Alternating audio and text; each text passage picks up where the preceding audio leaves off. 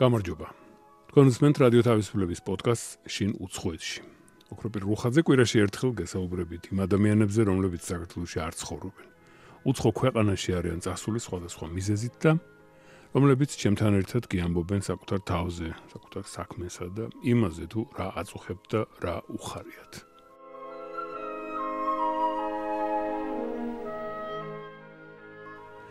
მარიამ ბაზმანი 12 წელიწადია იტალიაშია, სამხრეთში, აპულიაში, ბარში ცხოვრობს. იქ დედამ ჩაიყვანა 16 წლისა როცა იყო. მეორე თაობის ემიგრანტია. მარიამი განათლებით ფილოლოგია, ენები და ლიტერატურა ისწავლა ბარის უნივერსიტეტში, დოსტოევსკიზე დაწერა ნაშრომი. ახლა ის თავის ქალაქში ერთ-ერთ ყველაზე მდიდრულ და გამორჩეულ სასტუმროში მიმღებს ხელმძღვანელობს. მარიამი ავტორია ქართულთათვის იტალიური სახელმძღვანელოებისა.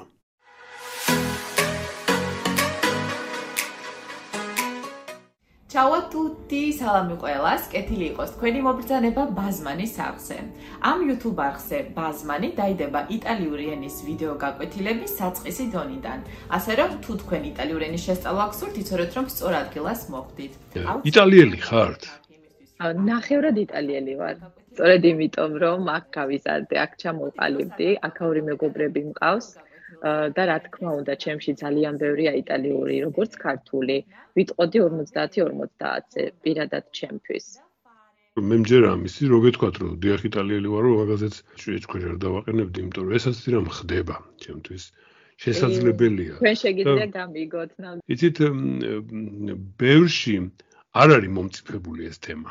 იმიტომ რომ ღრმად ვერ შედიან. ყველაფერს თავი დაანებოთ ენა არიციან.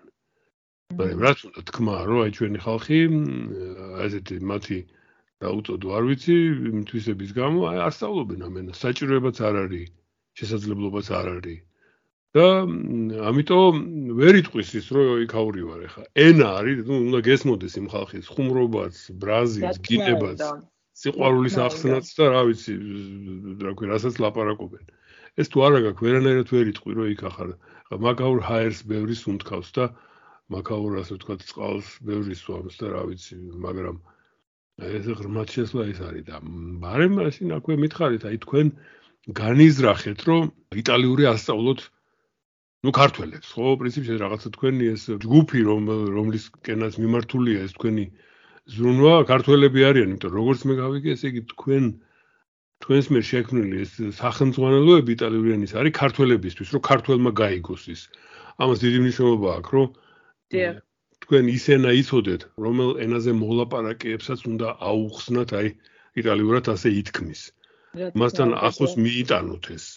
ამაზე მიამბეთ, აი რა იყო ის იმპულსი, რა იყო ის რაღაცა სურვილი, გეგმა ჩაფიქრებული, აი რაღაცა მიზანი, რომ აი მე ამათ უნდა ვასწავლო ქართული და დაიწყეთ, რა ქვია, არა მარტო ონლაინ ვიდეო ფორმით, არამედ დაწერეთ ციგნები, ხო, პრინციპულად ჩამოაყალიბეთ ეს იტალიური სახელმძღვანელოები. მე როდესაც ჩამოვედი იტალიაში, იმ დროს ფაქტურად არავინ არ იყო ისეთი, ვისთანაც მე პირადად მოვემზადებოდი. ამას გეუბნები 12 წლის წინ და მე თვითონ მარტო იმდენი ვიწვალე დასაწყისში, სწორედ ამ მიზეზის გამო, მე თვითონ ვისწავლე ყველაფერი. დღე და ღამე რასაც ქვია სახლიდან არ გამოვდიოდი, მქონდა სხვათა შორის გერმანულენოვანი იტალიური ენის ციგნები, გერმანულ, იტალიური, გერმანულის საერთოდ არ ვიცოდი, მაგრამ ნუ დაახლოებით თარგმნელის დახმარებით რაღაცებს ვახერხებდი. შემდეგ უკვე როდესაც ჩავირიცხე ლინგვისტურ ლიცეუმში, ძალიან მიშველა იმ ფაქტმა, რომ კარგად ვიცოდი რუსული და ინგლისური. და ძალიან ასე ვთქვათ, მაღალი ქულები ავიღე შესარჩევ გამოცდებზე და გამიმართლა, რომ მოხდი სწორედ აი იმ ლიცეუმში, მარკო პოლო სახელობის ლინგვისტური ლიცეუმი, ქალაქ ბარეში, საკმაოდ ცნობილი ლიცეუმია. და ვიცოდი როგორ სირთულეებსაც შევხვდებოდი. ბევრს მეცადინეობდი, ძალიან მეხმარებოდა ინგლისური ენის ცოდნა და ყველაფერი შემიძლია თქვა, რაც დღეს ვიცი, 90% ყველაფერი ლიცეუმში ვისწავლე. წარმოგიდგენთ, როგორი რთული იყო პატარა 16 წლის ბავშვისთვის, თუნდაც ხელოვნების ისტორიის სწავლა იტალიურად, ფილოსოფიას სწავლობდი იტალიურად, ლიტერატურას, ყველა ენის ასე, ესპანურ ლიტერატურას, იტალიურ ლიტერატურას, თვითონ ინგლისურ ლიტერატურას. მოკლედ ძალიან ბევრი დიდი როლი ითამაშა ჩემს ცხოვრებაში მარკო პოლოს ლიცეუმმა. და აი ფაქტ შემიძლია თამამად თქვა, რომ ყველაფერი ვისწავლე სკოლაში, ლიცეუმში. შემდეგ უკვე გადავედი უნივერსიტეტში, ну, რა თქმა უნდა, უნივერსიტეტის სხვა დონეა, ალდო მოროს სახელობის უნივერსიტეტი, უცხოენების ფაკულტეტი ავირჩიე და იქ დავხვეწე კიდევ უფრო ჩემი იტალიური რასაკვირველია. როგორ არის იცით, აქ უნივერსიტეტში საერთოდ არანაირ შეღავათი არ აქვს უცხოელ სტუდენტებს, ანუ არ აინტერესებს იტალიურ პროფესორს, რომ შენ უცხოელი ხარ, მისთვის არის მთავარი, რომ შენ იტალიური იცოდე, როგორც ჩვეულებრივმა იტალიელმა. და შესაბამისად, როდესაც იცი რომ ესეთი მკაცრი გამოცდებია, ყველაფერს აკეთებ იმისთვის, რომ მაქსიმალურად ბევრი იმეცადინო, კარგად მოიმზადო გამოცდისთვის და ჩემი ძირითადი ფორმაცია, ასე ვთქვათ, მოხდა ლიცეუმში და უნივერსიტეტში. Ну, რა თქმა უნდა, შემდეგ უკვე როდესაც სამსახური დავიწყე, სასტუმროში ვმუშაობდი თავიდან ჩვეულებრივ რესეფშენისტი ვიყავი, მიმღები.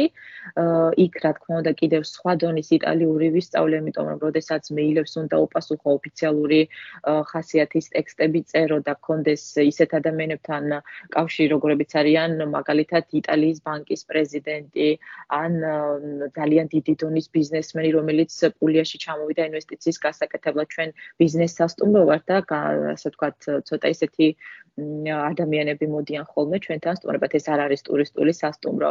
რა თქმა უნდა, კიდევ უფრო მეტად დავიხვეწე. თვითონ ეს იდეა რომ ჩამეწერა ვიდეო გაკვეთილები გულწრფელად რომ გითხრათ, ძალიან ისე მოულოდნელად დაიბადა. პანდემია როდესაც დაიწყო, ჩემი სასტუმროც დაიხურა, იმიტომ რომ ფიზიკურად შეწყდა ყველაფერი იმ პერიოდში იტალიაში, სწორედ აპრილის თვე იყო მარტი-აპრილი.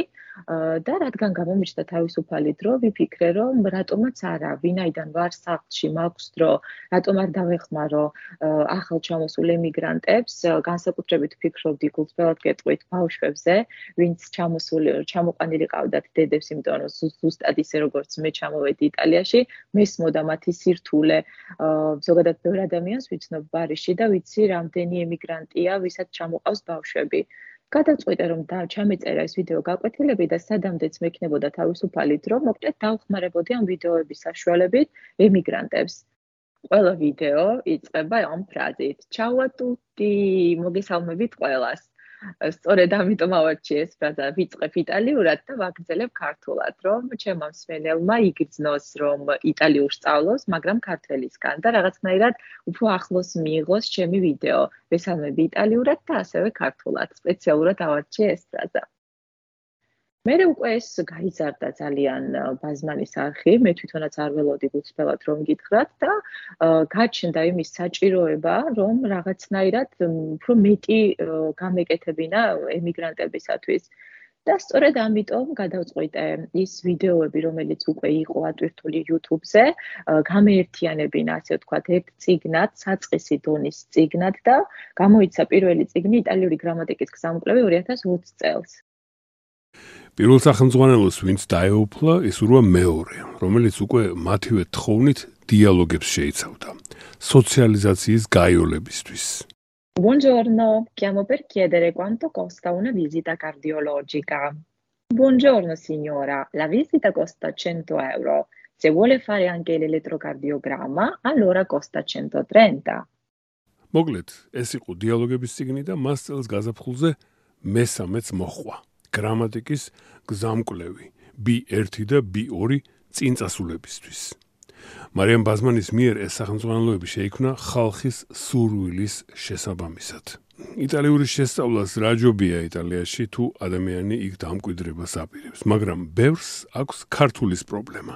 მithumetes თაობას, რომელიც ადრინდელ ასაკში ჩაიყვანეს მშობლებმა უცხოეთში და საბავშვო ბაღსა თუ სკოლის დაწყებით კლასებში იტალიურად ამ შემთხვევაში უწევთ ლაპარაკი. იტალიაში და სხვა ქვეყნებში იქნება ქართველების მიერ საკვირაო სკოლები, სადაც ქართველები ქართულს იღრმავებენ ხოლმე. მივესალმები ასეთი ტიპის სკოლებს იტალიაში, ვიცი რომ ქალაქ ბარეშიც არის რამდენიმე ესეთი საკვირაო სკოლა და ძალიან კარგი ინიციატივაა ჩემი აზრით, განსაკუთრებით მათთვის, ვისაც პატარა ჩამოყავთ, ასაკით პატარა ბავშვი, მაგალითად აქ რო უკვე ბაღში დადის, ის მომავალი იტალიელია, ასე ვთქვათ, თუ შენ თვითონ არ დაეხმარე რომ ისწავლოს ქართული, ქართულ ხატრები თუნდაც და ასე შემდეგ, ამიტომ მე მივესალმები ამ წამოწყებას და ძალიან სწორია. თუმცა ვფიქრობ, რომ აუცილებელია ყველა ბავშვის მაქსიმალური ინტეგრაცია იტალიაში იტალიელებთან.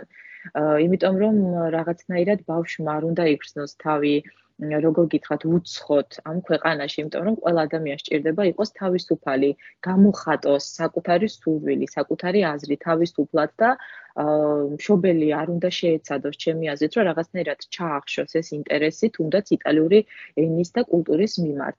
ამიტომ ჩემი აზრით ძალიან კარგი ინიციატივაა ეს საკვირაო სკოლები. კვირაში ერთი დღე ჩემი აზრით საკმარისია, მაგრამ ბავშვი მაქსიმალურად უნდა იყოს ინტეგრირებული იტალიურ სამყაროში, იტალიურ კულტურაში, უნდა ყავდეს იტალიელი მეგობრები და ასე შემდეგ, რომ მოახდინოს მისი რეალიზაცია, თვითრეალიზაცია იტალიაში აუცილებლად. და რაც შეეხება სასტუმროს, აპულის ცენტრის ბარის ერთ-ერთი ყველაზე ფეშენებლურ სასტუმროს დილმანი ჰქვია. იქ სახურობს მარიამი, როგორც გითხარით, მიმღების ხელმძღვანელად უნივერსიტეტის დამთავრების შემდეგ ენებით აღჭურვილმა ქალმა იქ დაიწყო მუშაობა. იტალიაში ძალიან იხმარებიან სტუდენტებს ახალგაზრდებს სამსახურის პოვნაში. თვითონ უნივერსიტეტიდანვე იწყება ეს დახმარება. იმდენად კარგად შედგენილი რეზიუმეთი გადიხარ უნივერსიტეტიდან, თითქმის შეუძლებელია ვერ იპოვო კარგი სამსახური. მე პირადად გულწრფელად რო გითხრათ, პროფესიით მასწავლებლად მუშაობა არ მომდომებია, არ მიფიქრია აქამდე ამაზე. ესეც სულ შემთხვევით მოხდა ის, რომ ეხლა მაქვს თუნდაც ჯგუფური კურსები და ვასწავლი იტალიურს. აი თავიდან როდესაც უნივერსიტეტი დავამთავრე, ახალგაზრდას ალბათ ყოველას ძალიან დიდი სურვილი მქონდა მოგზაურობის, სხვა ქვეყნების გაცნობის, სწორედ ამიტომაც ავირჩიე უცხოენები. ჩემნაზრით ადამიანი, რომელიც თავიდანვე უცხოენების სწავლისკენ მიუტვის და სწავლობს უცხოენებს, უკვე მზად არის მოგზაურობისთვის, ბევრ ხალხთან კონტაქტისთვის, რაღაცნაირად თავიდანვე ერჩევს პროფესიას. sostengono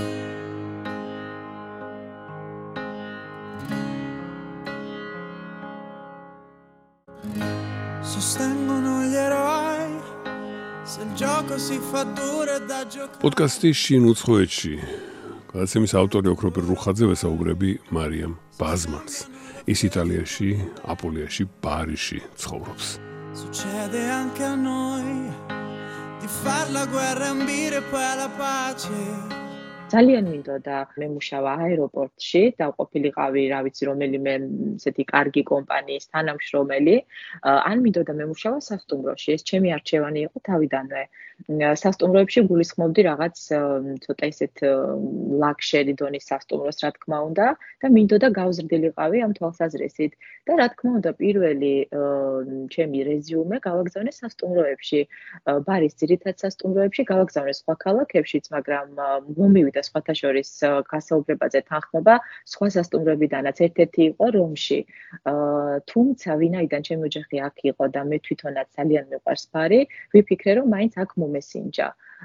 და პირველივე გასაუბრებაზე, როდესაც მივედი და მივიტანე უკვე ჩემი კარგად გამზადებული რეზიუმე, მეორე დღესვე დამირეკეს და მითხრეს, რომ ძალიან უნდოდა ჩემთან თანამშრომლობა. გულწრფელად რომ გითხრათ, დიდი როლი ითამაშა იმან, რომ უცხოელი ვიყავი და კიდევ სხვა ენებს ფლობდი.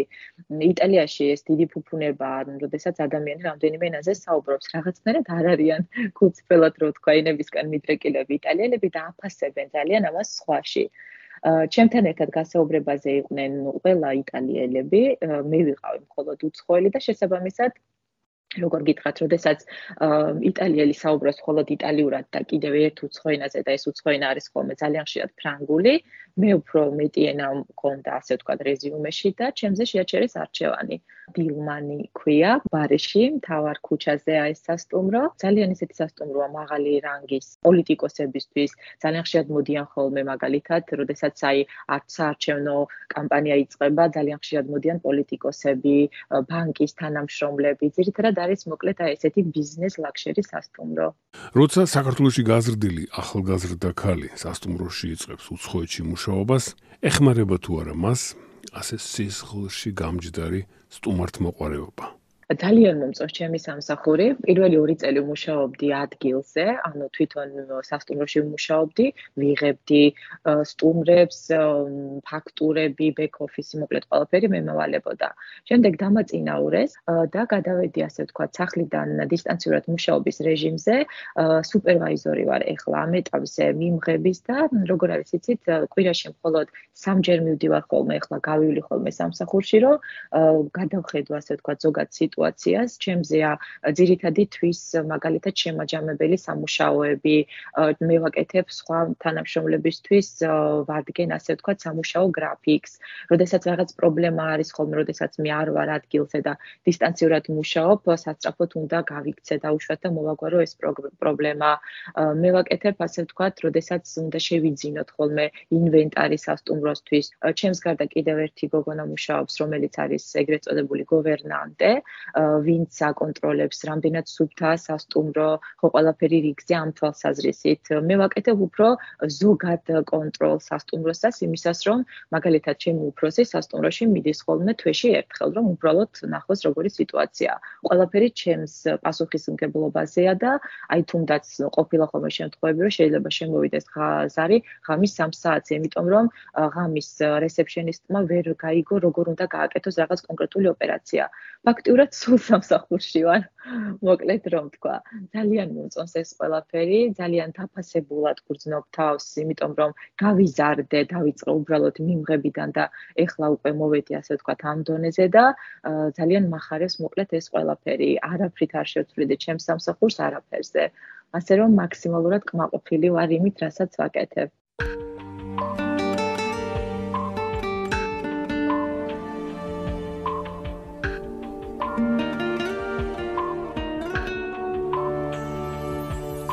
Io credo sempre nel futuro, nella giustizia e nel lavoro, nel sentimento che ci unisce intorno alla nostra famiglia.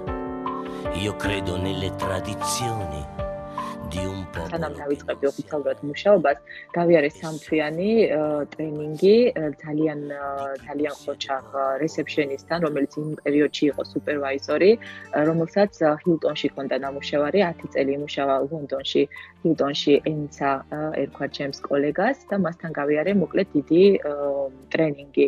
და ყველაფერი მასწავლა როგორ უნდა მოიქცე არ მქონდა უფლება რომ გადავსულიყავი ძალიან პირადულზე თუნდაც აი როდესაც გადაიხდი და ადამიანი სასტუმრო საფასურს იმ მომენტში ერთი წუთიც არ შეიძლებოდა რომ დამლოდებოდა იმ მომენტში სანამ მე ამ ყველაფერს გავატარებდი ფაქტურას ამოვწერდი უკან დავუბრუნებდი. ყველაფერი იყო როგორ გითხრათ რადგან იყო ცოტა ესეთი მაღალი რანგის სასტუმრო ცოტა ცივი ურთიერთობა უნდა დაგეჭირა კლიენტთან. და წარმოიდგინეთ ჩეკინის გაკეთების დროსაც გადაიხდიდა ხოლმე კლიენტი და შემდეგ მე უნდა მიმეტანა მისთვის ფაქტურა ისე რომ შემეცურებინა ასე ვთქვათ კარის ქვეშ რომ არ შეგვეწუხებინა გქონდა ჩვენი საათები და უშუალოდ როდის არ უნდა მისულიყო დამლაგებელი რომ ოთახი დაესუფთავებინა რომელ საათზე უნდა მოსულიყო მძღოლი რომ წაეყვანა. და ასე შემდეგ მოკლედ როგორ გითხარ დიდად არ მქონია იმის ფუფუნება რომ ჩემი თავი გამომეხატა. გულით ვისურვებდი ნამდვილად რომ უფრო ახლო ურთიერთობაში შესულიყავი კლიენტთან მაგრამ ამას მიკრძალავდა ასე ვთქვათ ჩვენი სასტუმროს პოლიტიკა თავშივე გითხარით ლიტერატურის დარგში დაიცვა ნაშრომი მარიამ ბაზმანმა მეთქი. დოსტოევსკი იყო მისი თემა კონკრეტულად სიღარიბის თემა დოსტოევსკის ნაწარმოებებში ასე ერქვა ნაშრომს. ის შეიქმნა ბარის ალდომოროს სახელობის უნივერსიტეტში უცხოენების ფაკულტეტზე კურსზე სახელწოდებით ლინგვისტური და კულტურული მედიაცია ქვეყნებს შორის ვიჩი მე თვითონ დოსტოევსკი, იმიტომ რომ აქ ვისწავლეთ ყველაფერი, ორიგინალშიც კი წავიკითხეთ, სხვათა შორის ძალიან ყოჩაღები იყვნენ ჩემი იტალიელი კოლეგებიც, ძალიან ბევრს უყვარს რუსული ლიტერატურა, ეს ნამდვილად უნდა ვთქვა. და მე და კიდევ ერთმა ორმა გოგონამ ავირჩიეთ დოსტოევსკი, იმიტომ რომ ფიქრობდი რომ მასალა უფრო დიდი იყო, მე თვითონაც ძალიან მომწონდა რასაკვირველია და თემა იყო დღევანდელობასთან ძალიან ახლო. კონკრეტულად ჩემი ნაშრომის სახელწოდება იყო სიღარიბის თემა დოსტოევსკის ნაწარმოებებში. და მოკლედ აი აქედან დაიბადა ეს იდეა. ვინ არიან აი რა არის ეს ღარი სიღარიბე დოსტოევსკიში? აი მაგალითად ნაწარმოები რომელიც იყო პირველი ჩემს ნაშრომში იყო ლაპოვერაჯენტე იტალიურად ბედნიე ლუძი რუსულად და საბრალო ხალხი ზოგადად ანუ იქაური სიტუაციაზე, იმ ეპოქის სიტუაციაზე, როგორ უჭირდა ხალხს, როგორი მნიშვნელოვანი იყო მათთვის მორალი და ასე შემდეგ, მოკლედ ანუ უფრო იქაურ სიტუაციას აღწერს. შეიძლება მაინც და მაინც სიგარები არ არის მისი ნაწარმოების მთავარი თემა, მაგრამ იქ ხო ჩანს იქაური ეპოქა, როგორ ცხოვრობდა ხალხი და ასე შემდეგ. ანუ მე სწორედ აი ეს ავიღე მისი ნაწარმოებებიდან, როგორც ასევე დანაშაული და სასჯელი ეს ყველაფერი ყველაფერი სიგარებას უკავშირდება, ეს ეპოქა იყო ზოგადად ძალიან ისეთი ხო რთული იმ პერიოდში და სწორედ ამაზეა ჩემი დისერტაცია, სწორედ ამაზე დავიცავი, რომ როგორ ცხოვრობდა ხალხი. არ მქონია ასე ვთქვათ მთავარ თემად ამორჩეული პერსონაჟების ცხოვრება, რას აკეთებდნენ, უფრო იქაური და იმ დროინდელი სიტუაცია რუსეთში. ეს იყო ჩემი მთავარი თემა. ნამდვილად უნდა ვთქვა, რომ მიყვარს რუსული ლიტერატურა და ჩემი აზრით, რა ვიცი, ალბათ ყოველას ვისაც აქვს წაკითხული, არა მხოლოდ დოსტოევსკი, ზოგადად ბევრი სხვა რუსი მწერალი, ალბათ შეუძლებელი არ დარჩე რაღაცნაირად მოხიბლული. მე პირადად ძალიან მიყვარს და მაყოფილი ვარ, რომ ჩემი მთავარი თემა, ასე ვთქვათ, უნივერსიტეტის დამთავრების დროს სწორედ რუსულ ლიტერატურაზე მქონდა. რუსების მიმართ რაღაცენ შეიცვალა იტალიაში დამოკიდებულება, აი თქვენს გარემოში, მას მე რაც ომი დაიწყეს უკრაინის ძინაამდე. დიახ, დიახ, შეიცვალა სასწაულად. აა აი თუნდაც კომენტარებში რო შეხვიდეთ, როდესაც იდება ხოლმე რაღაც ნიუსი, რო ნახოთ იტალიელების კომენტარი, ძალიან შეცვლილია დამოკიდებულება.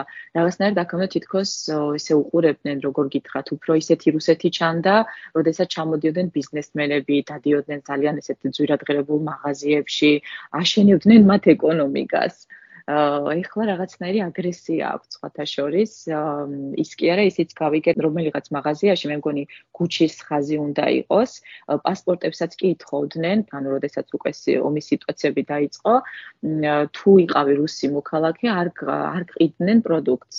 და ეს იყო ჩემთვის, რა ვიცი, ძალიან უცხო, იმიტომ რომ აქამდე იმდენად უყვარდათ იტალიელებს რუსები, ალბათ უფრო იმიტომ რომ მათი ეკონომიკის ნაწილი შემოდიოდა რუსეთიდან. მაგრამ ძალიან შეცვლილია სიტუაცია. 2022 წლის თებერვლიდან უკრაინაში ომის დაწყების შემდეგ საერთო ეკონომიკური კრიზისი გამოიწვია ენერგომატარებლების გაძვირებამ. ამის ფონზე ეკონომიკური მიმოხილველები წერენ, რომ საქართველოს ამ ხრივ გამორჩეულ მდგომარეობაშია, რომ ეკონომიკა ხეირობს იმით, რომ ქვეყანაში უცხოეთიდან ჩასულებს კაპიტალი შეაქვთ არსებენ ფირმებს და ამით ტურიზმსაც აქვს სარგებელი და ასე შემდეგ. ამასთან კავშირშია რუსეთის მოქალაქეთა დიდი მასის შესვლა საქართველოში. მარიამ ბაზმანი უცხოეთშია, მაგრამ რუსი დევნილების და საერთოდ რუსეთის მოქალაქეების გავლენით ეკონომიკური ზრდა სამშობლოში მაინც არ ეხატება გულზე. მე პირადად არ ვარ მაგალითად მომხრე იმის რომ რუსები საქართველოში ჩავიდნენ და ძალიან გული მწყება გულწრფელად რომ გითხრათ თუნდაც აყვავდეს ჩვენი ეკონომიკა იმიტომ რომ მე პირადად როდესაც ემიგრაციაში ვცხოვრობ მე პირადად არ ვთვლი თავს გულწრფელად რომ გითხრათ ემიგრანტად ძალიან ბედნიერი ვარ სადაც ვარ და შეიძლება საერთოდ არ ყოფილიყო ვალდებულება ჩემთვის აქ ჩამოსვლა ჩემი სურვილი ჩამოსულიყავ იტალიაში და აქ გამეგზელებინა ცხოვრება ზოგადად მიყვარს იტალია მაგრამ როდესაც შენი ქვეყნის ნახევარზე მეტი ემიგრაციაში ცხოვრობს ძალიან არასწორი საქცელია ჩემი აზრით მიიღო ამდენი რუსი ну იმას თავი დავანებოთ როგორი წარსული გვაქვს ისტორიული რუსეთთან მიმართებაში მაგრამ ზოგადად ძალიან არასწორად მიმაჩნია ეს აქცელი თუნდაც ამან გამოიწვიოს ჩვენი ქვეყნის ეკონომიკის აყვავება. და ცოტა იყოს აგრესია მაქვს ამ თემასთან დაკავშირებით მე პირადად მაგრამ რამდენად შეძლებენ შემდეგ ახლა რუსები ჩვენი ეკონომიკის გამოსწორებას? ვერ გეტყვით ფიქრობ რომ მათ აქვთ ნამდვილად აქვთ ძალა დიდი ძალა დიდი ძალას წარმოადგენენ ეკონომიკურს. უბრალოდ ჩემი აზრით არ იქნება სწორი. თორე ვფიქრობ რომ შეუძლიათ ნამდვილად. საერთოდ აი ასეთ სფეროებში ხო პრაგმატიზმი წყვეტს ყველაფერს.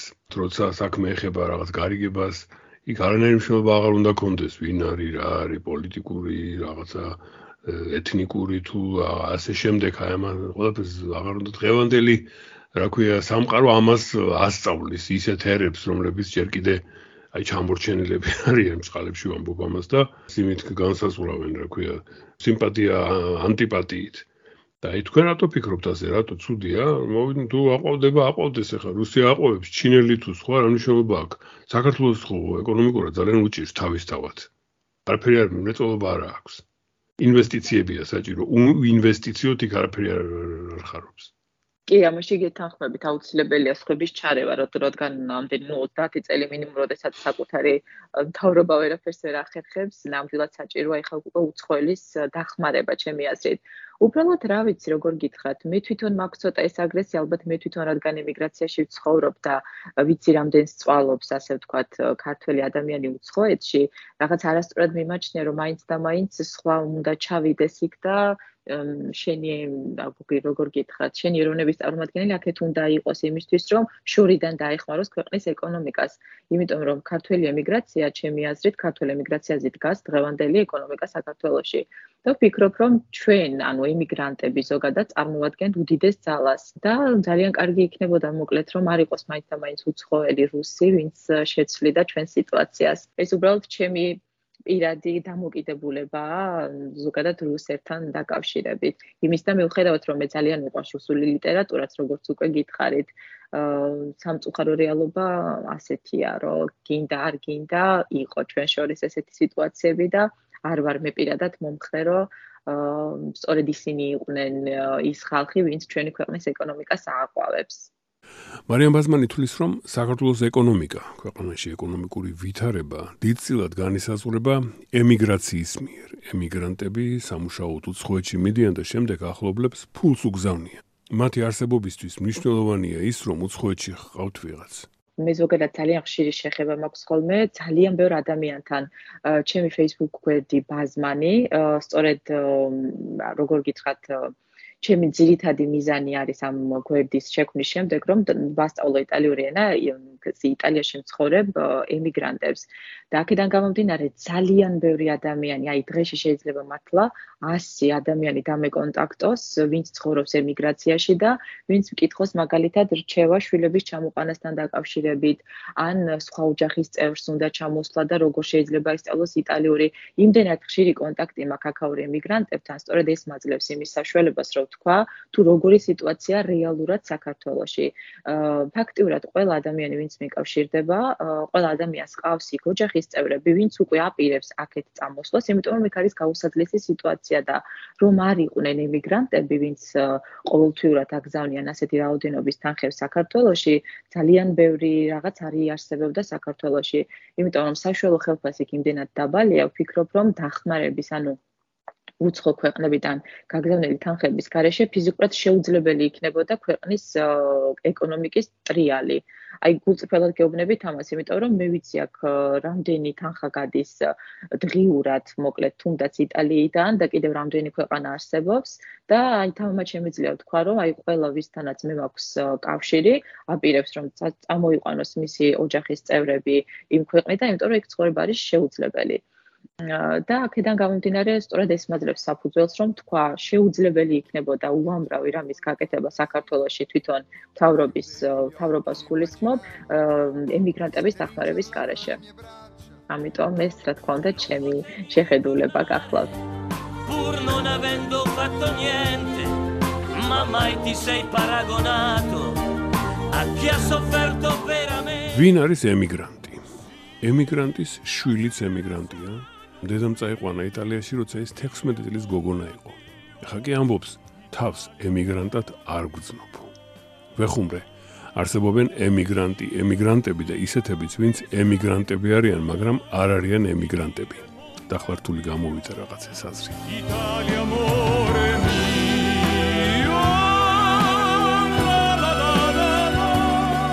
ზოგადად მე თვითონ ბავშვობიდან ძალიან მიყვარდა ხოლმე უცხოენები, ძალიან მიყვარდა მოგზაურობა და ყოველთვის მინდოდა გულწრფელად რომ გითხრათ, ბევრი რამ ვენახა სხვაგან მესწავლა, ზოგადად მე პირადად როგორც ადამიანი, ან ყოველთვის ხონდა ამის სურვილი. შემდეგ ვინაიდან აქ ჩამოვედი 16 წლის ასაკში და აქ მოხდა ჩემი რეალური ჩამოყალიბება როგორც პიროვნება, აქ დავამთავრე სკოლა, აქ დავამთავრე უნივერსიტეტი, აქ შევიძინე უამრავი მეგობარი, უფრო მეტი მეგობარი შევიძინე აქ ვიდრე მყოდეს რომ ყოლია საქართველოში. აქ გავიზარდე სრული ამ სიტყვის მნიშვნელობით, ჩამოვყალიბდი და მე ვფიქრობ რომ იტალია ჩემი მეორე სამშობლოა. სწორედ ამიტომ გავაკეთე მოთხოვნა უკვე მოქალაქეობის აღებაზეც და ვფიქრობ რომ ანუ ემიგრანტი არ ვარ რას გულისხმობ, იცით? მე ჯერ ერთი მეორე თაობა ვარ ეგრეთ წოდებული, იმიტომ რომ დედა ჩემი იყო ემიგრანტი, როდესაც ის ჩამოვიდა პირველად აქ და შემდეგ უკვე მეც და ჩემი ძმაც ვინც შემდეგ ჩამოვედით, არ ვთვლი რომ ემიგრანტები ვართ, იმიტომ რომ ჩვენ იტალიამ იმაზე მეტი მოგცა ვიდრე საქართველოს და ძალიან ბევრი უგონება და ყველაზე მთავარი მოვლენები ჩვენი ცხოვრების უკავშირდება იტალიას. ამიტომ ვთვლი რომ არ ვარ ასე ვთქვათ ემიგრანტი. მე ასე ვთქვათ არ ვაპირებ არც მომავალში იქ ცხოვრებას, საქართველოში ცხოვრებას, იმიტომ რომ იტალია ჩემი მეორე სამშობლოა. და სწორედ აი ამიტომ ვამბობ რომ არ ვარ ემიგრანტი. აქ გავიზარდი, აქ ჩამოვყალიბდი, აქ ვმუშაობ, რაც თავარია და აქ ვაპირებ ჩემი კარიერის გაღრმავებასაც, ასე რომ არ ვთვლი თავს ემიგრანტად ამ თვალსაზრისით. პოდკასტი შინ უცხოეთში. გაცემის ავტორი და წამყვანი ოქროპირ რუხაძე ვესაუბრებოდი მარიამ ბაზმანს, გიამბობდით მის ცხოვრებაზე. 12 წელი იტალიაში, ბარიში. აპულიაში. დედამ როცა იქ ჩაიყვანა 16 წლისა იყო, განათლებით ფილოლოგი გახლავთ, დოსტოევსკიზე დაწერა ნაშრომი. ახლა ერთ-ერთ ყველაზე მდიდრულ და გამორჩეულ სასტუმროში მიმღებს ხელმძღვანელობს მარიამი, ავტორია ქართულთათვის იტალიური ენის სახელმძღვანელოებისა. მე ამით მინდა დაგემშვიდობოთ რადიო თავისუფლების პოდკასტი შინ უცხოეთში შეგიძლიათ მოისმინოთ რადიო თავისუფლების ვებგვერდის გარდა რადიო თავისუფლება წერტილი GE, ასეთია ჩვენი მისამართი. ასევე პოდკასტების თქვენთვის ცნობილ ყველა პლატფორმაზე. ნახვამდის.